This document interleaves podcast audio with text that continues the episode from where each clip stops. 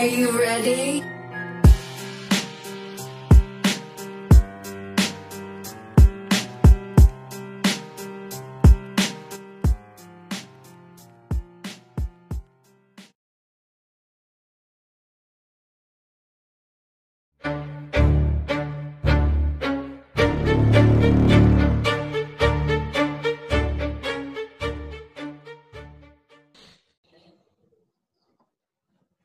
Oke, udah kita record.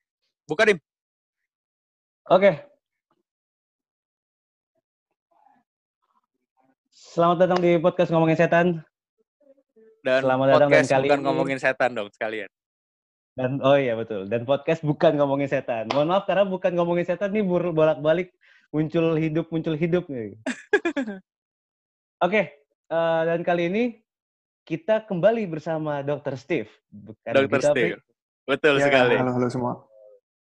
Dan sekarang Dr. Steve bawa eh, seniornya. Seniornya. Dan, Dan ada yang menarik dari seniornya. sangat Ada- menarik sekali. sangat menarik sekali. Di sini udah ada, ada reason ada reason tersendiri kenapa kita memakai dia. Betul, Atau betul, mengajak dia, betul. sorry. Betul, sorry, betul. bahasa yang salah nih. Nah, ini eh, ada bareng udah bersama kita Dr. Linda Anastasia. Jadi buat teman-teman tenang, semua dokter yang kami ajak di podcast sudah memiliki nama di Ikatan Dokter Indonesia. Jadi bukan dokter ece-ece. Kita nggak Betul, sembarangan. betul, betul. Ya, santai Nggak aja, santai aja. betul. Lu cek namanya Linda Anastasia udah ada di ini. Boleh perkenalin iya. diri dulu, Dok. Dokter Linda. Eh, halo, nama gue Linda. Eh, sekarang gue lagi residen, gue PPDS psikiatri di salah satu perguruan tinggi negeri di Indonesia. Itu dia. Dan Yo. sekarang boleh perkenalin diri lagi, Dokter Steve. Eh, gue Steve, gue sekarang sebagai dokter umum di sebuah klinik di Bali. Itu dia. Kenapa Dokter Linda menjadi menarik, Dimas? Dimas diem aja, Dimas diem Mohon aja. maaf, mohon maaf, mohon maaf lagi. Jadi Dokter Linda ini ya. Sangat menarik karena eh, salah satu tugas untuk keperluan residen atau penjurusan ya kalau kalau di kampus-kampus yang bukan dokter tuh biasanya penjurusan S2-nya itu misalnya dari komunikasi massa terus ke komunikasi marketing massa misalnya. Mungkin gitu ya kurang lebih S2-nya. Nah, Mata kuliah ini kali ya. iya mata kuliah lanjutan lah eh, untuk spesialis. Nah, salah satu tugas dari eh, Dokter Linda untuk eh, residennya adalah tentang exorcism. Wah, ini ini sekali. sangat sangat erat banget sama kita, gua, Dimas dan teman-teman yang sejujurnya eh, bisa dibilang melakukan kegiatan tersebut setiap hari, setiap minggu mungkin kurang lebih ya kita hampir setiap hari Jumat kita melakukan kegiatan exorcism itu karena gue sendiri juga masih belum paham banget kalau di eh, sebuah keilmuan atau kedokteran gitu pengertian exorcism sendiri apa nanti bakal gue tanyain. Tapi pertanyaan pertama adalah gini dok kenapa eh, entah nih entah entah eh, dokter Linda sendiri atau Linda sendiri yang mengambil tugas tersebut atau eh, ibaratnya yang ngasih tugas kenapa tiba-tiba ada sebuah tugas yang berhu- berhubungan sama exorcism karena menurut kami nih gue dan Dimas tadi sempat ngobrol kalau exorcism sendiri tuh sama ilmiah tuh kayaknya Betul. nggak Iya, bisa dia. nyambung gitu Iya, kayak dan dua maksudnya dua pulau yang berbeda yang jembatannya Iya. tuh kecil gitu jauh tipis banget. Heeh. Iya. Lintasnya itu jauh banget yang menurut kami itu bersinggungannya tuh kayaknya susah banget untuk orang-orang yang berpikiran secara ilmiah untuk berpikir kita menggunakan papernya adalah exorcism tuh.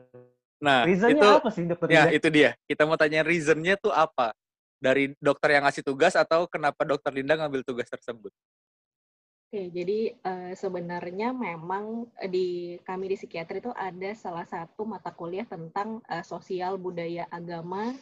Eh, Jadi Oke. di situ kita ada diskusi lah gitu. Jadi eh, dari teman-teman dengan agamanya masing-masing mengemukakan kira-kira a- ada nggak sih gitu faktor agama atau sosial atau budaya yang bisa berpengaruh sama eh, terjadinya sebuah kasus. Eh, dalam kasus ini kita ngomongin kasus pasien ya. Mhm. Uh, kenapa Mhm. pasien bisa jadi seperti itu, kaitannya seperti apa gitu. Jadi intinya kayak semacam sharing gitu. Jadi waktu itu uh, kita sharing lah dan akhirnya ternyata senior gue ada yang bikin tentang paper tentang rukiah. Oke, oke. Okay. Dan pada waktu itu uh, belum ada yang bikin tentang dari sisi ya, kalau kan dari agama Islam ya. Yes, nah, betul. Gue kebetulan waktu itu gue Katolik dan gue menanyakan pertanyaan bahwa uh, jadi uh, dosen gue ini dokter senior ya kita nyebutnya dokter konsulen. Jadi kita mhm. nanya uh, gue nanya waktu itu, dok, jadi sebenarnya rukiah ini sama nggak sih dok sama eksorsisme yang kita kenal di gereja Katolik secara uh, secara khusus ya? Oke. Okay. Terus, oh iya, itu belum ada tuh yang pernah bikin paper tentang itu. Kamu bikin ya gitu. Ya udah, jadi gue mau nggak mau gue searching, gue cari jurnal-jurnalnya, gue mm -hmm. cari sejarahnya dan seterusnya. Ya udah, gitu. Jadi sebenarnya ya tugas sih gitu jadi mau nggak mau gue bikin dan ya udah udah gue submit Oke. Pri, gue mau ngasih pertanyaan yang mungkin kita bisa lebih detail untuk atau lebih dekat dengan Dokter Linda. Boleh. Saat dia mengulik, uh, mengulas tentang, uh, membuat paper tentang dunia exorcism, mm-hmm. apakah memang dari Linda sendiri ada keterkaitan atau ketertarikan dengan dunia mistis sebelumnya, atau justru tidak percaya, makanya ingin membuktikan sesuatu dari paper itu? uh, sebenarnya banyak sih hal-hal yang gue alamin sebagai dokter ya ini ya kita ngomongnya okay, ya. Oke, oke. Iya, iya, iya. iya. Gue nggak bisa jelasin dari sisi sains itu banyak. Oke. Okay. Dibilang percaya nggak percaya, ya gue sih ada ada banyak hal di dunia ini yang kita nggak bisa jelasin gitu. Bahkan psikiatri pun, biarpun ini dunia kedokteran, salah satu cabang ilmu kedokteran, tapi ini abu-abu banget gitu loh. Jadi hmm, memang betul, masih betul. banyak dunia abu-abu gitu di bahkan di dunia medis sekalipun. Oke. Oke. Berarti memang ada ketertarikan di situ ya, penasaran juga ya tentang dunia-dunia hmm. seperti itu ya. Yang Harus ya kayaknya karena kan gue lagi sekolah ya. Iya iya. iya sih, uh, iya sih, benar. Boleh boleh cerita sedikit nggak dok tentang uh, penelitian atau tugas-tugas tersebut uh, dari dari sejarah mungkin dari uh, pengertiannya, terus kemudian kesimpulan dari uh, sekilas kesimpulan dari tugas ya, tersebut betul, betul. gimana? Oke, Apa sih yang ditulis sama Dokter Linda tuh? Oke, uh, karena gue uh, beragama Katolik dan mm -hmm. tugas gue adalah dari sisi eksorsistem mm -hmm. dan memang setahu gue eksorsistem ini memang cuma dipunyai oleh agama Katolik yang namanya eksorsistem ya. Iya. Iya, yeah, betul. dan ritual ini gitu. Jadi memang karena ini yang gue cari, ini yang gue baca, jadi gue nggak ke mana-mana, gue akan uh, pada jalurnya eksorsisme secara Katolik kali ya. Iya, boleh, ya. boleh, boleh, boleh. Jadi memang Betul. yang gue ketahui dan yang gue cari bahwa memang uh, ada nih yang namanya eksorsisme yang -hmm. setelah gue cari tahu ternyata uh, dari bahasa Latin nih namanya exorcizo.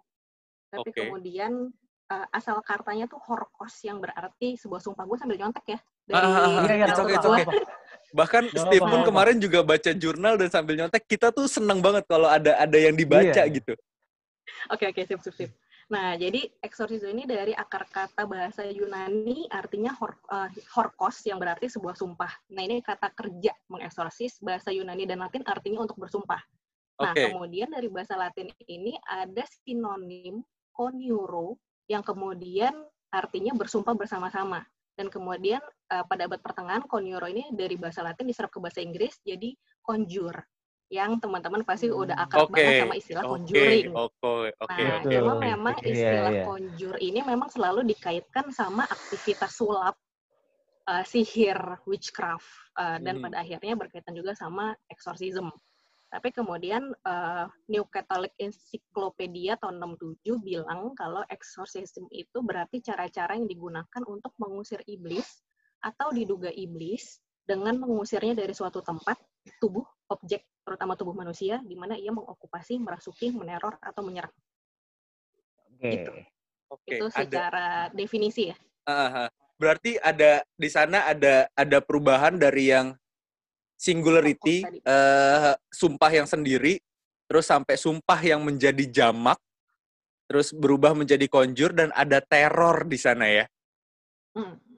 Nah, gue mau nanya, uh, gue mau nanya sama dokter Steve nih, lu bukan orang yang uh, ibaratnya bukan orang yang terjun ke dunia eksorsis nih, maksudnya, tapi hmm. lu juga punya pengalaman.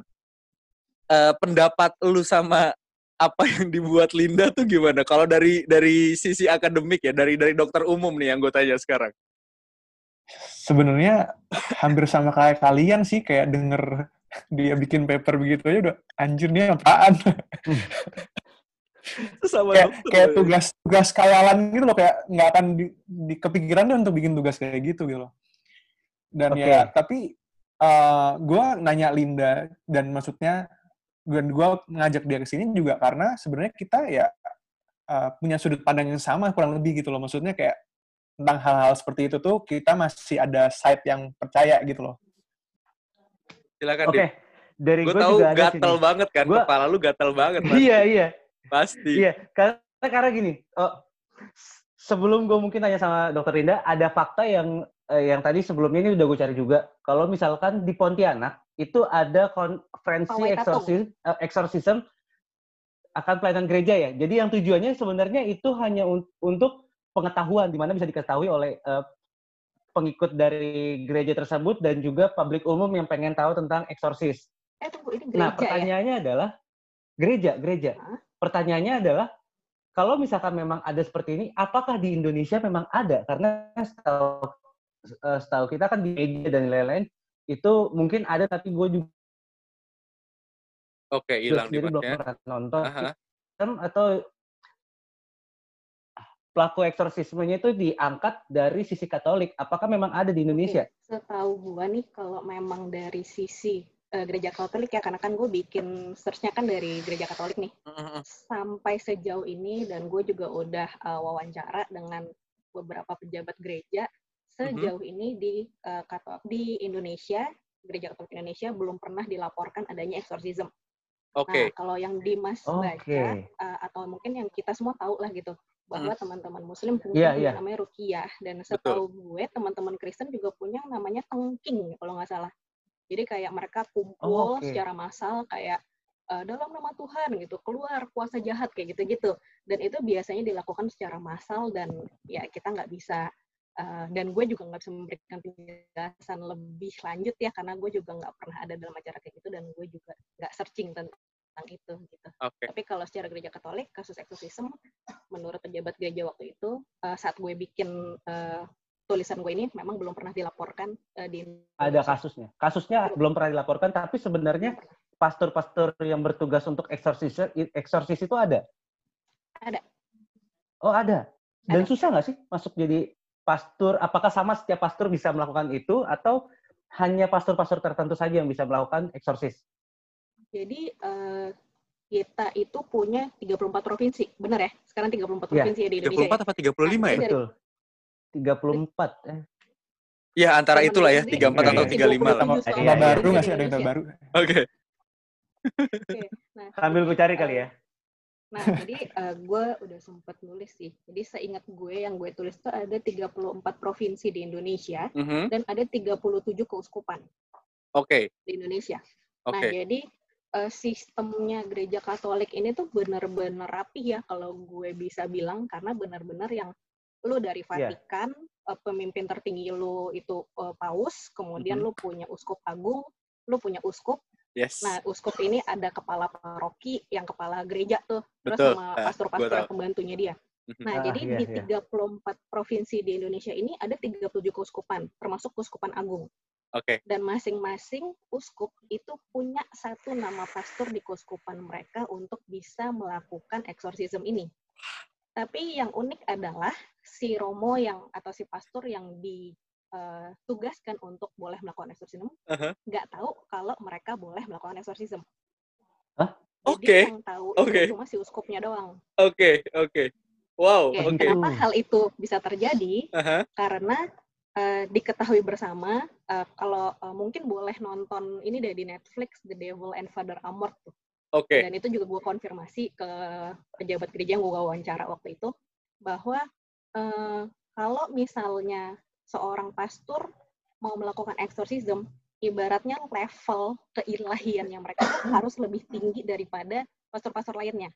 Oke, okay, nah, dan itu yang ketika, uskupnya ya, ada penunjukan dari uskup juga ya? Yes, yes, okay. betul. Nah, tapi kan mereka nggak tahu. Misalkan mm -hmm. gue uskup nih, terus pri lu uh, dalam hati gue nih printer kalau ada yang kesurupan, mungkin lu yang gue eksorsis ya, gitu. Misalkan okay. lu pastor okay. gue nih. Nah, ketika uh, kita tahu bersama bahwa pastor-pastor yang bisa melakukan eksorsis itu punya level keilahian yang lebih tinggi daripada mm -hmm. pastor-pastor lainnya. Yang terjadi sama lu apa, Pri? Gitu. Jadi kan uh, bisa ada muncul semacam kesombongan, yes. jadi ada hmm. was-was yeah, yeah, yeah, yeah. kayak gitu gitu. Jadi memang uh, si setiap uskup ini uh, konon katanya dari info yang gue dapat bahwa mereka punya masing-masing uh, pastor yang disiapkan untuk melakukan eksorsisme dan sudah dinilai oleh uskup bahwa mereka mampu.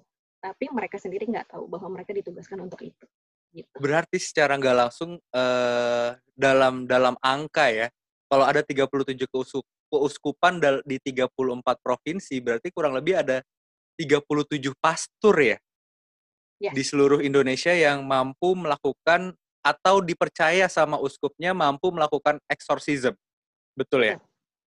Uh, tadi udah udah ke mention uh, pertanyaan gue selanjutnya ini boleh dijawab apa enggak terserah boleh off record boleh on record nanti tinggal kita edit kalau memang mau di off record uh, gue pernah baca di salah satu uh, artikel bacaan gitu ada ada yang nyebut bahwa di Vatikan sana ada satu ibaratnya apa ya? Ada satu tempat khusus atau ada satu Asosiasi. sekolah atau pengajaran atau apa yang berhubungan sama eksorsisme ini. Bener Betul. apa enggak? Kalaupun memang bener, eh, apakah talenta-talenta jebolan eh, ap, uh, tempat pengajaran atau sekolah tersebut disebar untuk ngajar lagi atau memang uh, disebar untuk melakukan hal itu aja gitu, melakukan eksorsisme itu tadi. Uh, ini boleh boleh dijawab. Terserah mau off record atau mau on record nih, Oke. Okay. Uh, jadi uh, betul. Ini mau on record aja nggak apa? On nggak apa-apa. Oke. Okay. Nah, jadi uh, memang ada uh, betul ada yang namanya uh, Regina Postulorum, uh, Pontifical Athenaeum Regina Apostolorum uh, okay, itu universitas di Roma. Ah, udah lo, lo cari dapat. Gue gue nyatet dulu nih. Oh, oke okay, oke. Okay. Lalu Google juga pasti langsung dapat kok dengan gedung universitasnya yang super kece. Uh, Pontifical Athenaeum Regina Apostolorum itu universitas di Roma memang dan memang dikelola oleh Vatikan. Gitu. Okay. Jadi memang uh, gereja sendiri merasa bahwa sepertinya uh, ilmu mengenai eksorsisme ini sendiri perlu diketahui oleh awam. Ah, sehingga mahasiswa-mahasiswa yang sekolah di sana diberikan pengetahuan pengetahuan ya Aha. untuk mengenal yang namanya eksorsisme ini gitu jadi mereka semacam uh, menyediakan kursus gitu mungkin gue ngebayangin kayak ekskul gitu kali ya Aha. intinya buat yeah, iya, mengetahui yeah, yeah, yeah. tentang si eksorsisme ini ada uh, namanya uh, Regina Apostolorum kalau lo mau search itu ada dan okay. mereka uh, dididik uh, di bawah Vatikan langsung di bawah pengawasan uskup Roma sama yang namanya Legionaries of Christ katanya. Gitu. Legionaries of diri, Christ. Ya, jadi mereka menempatkan diri pada konteks ilmu pengetahuan modern di situ. Gila, gila, gila, gila. Di kepala gue tuh kayak dar gitu. Maksud gue gini, uh, sebuah sebuah maksudnya pendidikan agama lah kita sebut uh, secara general ya. Uh, entah itu kalau kalau di Islam kita nyebutnya nyantri ibaratnya kita sekolah agama. Iya iya iya betul betul. Walaupun memang ada juga yang berhubungan sama uh, tempat pembelajaran untuk rukiah bahkan mungkin di semua pesantren tuh ada. Jumlah pesantren di Indonesia jelas banyak banget. Dan menariknya ternyata di uh, luar Islam pun di agama lain pun juga mempercaya hal itu dan bahkan tadi lu bilang sendiri sekolahnya tuh kece banget gitu gedung sekolahnya kece banget dan berarti memang uh, ini, ini udah bukan jadi udah bukan jadi apa ya kayak uh, rahasia umum lagi bahwa entah entah sampai ada sekolah tersebut berarti kan memang ada uh, demand lah ya ada ada masalah di luar sana yang sampai uh, ada sekolah tersebut untuk memecahkan atau jadi solusi masalah tersebut ya. Masalah-masalah kesurupan masalah apa trends dan lain-lain sampai dibuat sekolah. Tadi gue ngeliat sa satu mimik dari Steve yang wah gitu juga bareng sama gue persis bareng sama gue. Lu ada pertanyaan gak Steve? Ini kita tinggal dua setengah menit nih. Nanti kita lanjut nih. Lu ada pertanyaan uh, apa? Oh. Mumpung mumpung lagi di sini kalau mungkin lu di luar nanya nggak enak gitu yeah. sama. Linda atau mungkin udah pernah lu tanya. Gue beneran jadi penonton awam nih. gue beneran jadi penonton awam. Sama sih sama. Gila, gue yang gue ini kan tadi sampai gue sampai sampai sambil googling gitu untuk untuk tahu tentang eksorsim ternyata sebegitu ribetnya juga ya. Nggak maksud gue nggak kayak ya lu bener-bener fokus dengan agama terus tiba-tiba lu satu titik di mana oh lu bisa gitu. Tapi ternyata sampai bener-bener ada kursusnya sih wow banget sih ini gue juga. Iya makanya buat buat orang-orang yang yang mungkin nyebut gua atau pakar spiritual atau paranormal atau pendeta atau pastor yang melakukan hal-hal kayak gitu gitu berhubungan sama agama tentang kesurupan, eksorsisme, entah dalam bentuk rukiah, dan lain-lain yang nyebutnya halu, men ada kampusnya yang mengakomodir orang-orang halu ini gitu. Lu masih mau nyebut iya, halu? Iya, betul. Udah, udah, udah agak beyond nih. Ini udah mau habis, kita stop bentar, nanti okay, gue bikin okay. ini lagi ya. Ya, ya. Oke, okay, oke. Okay. Oke, okay, oke. Okay.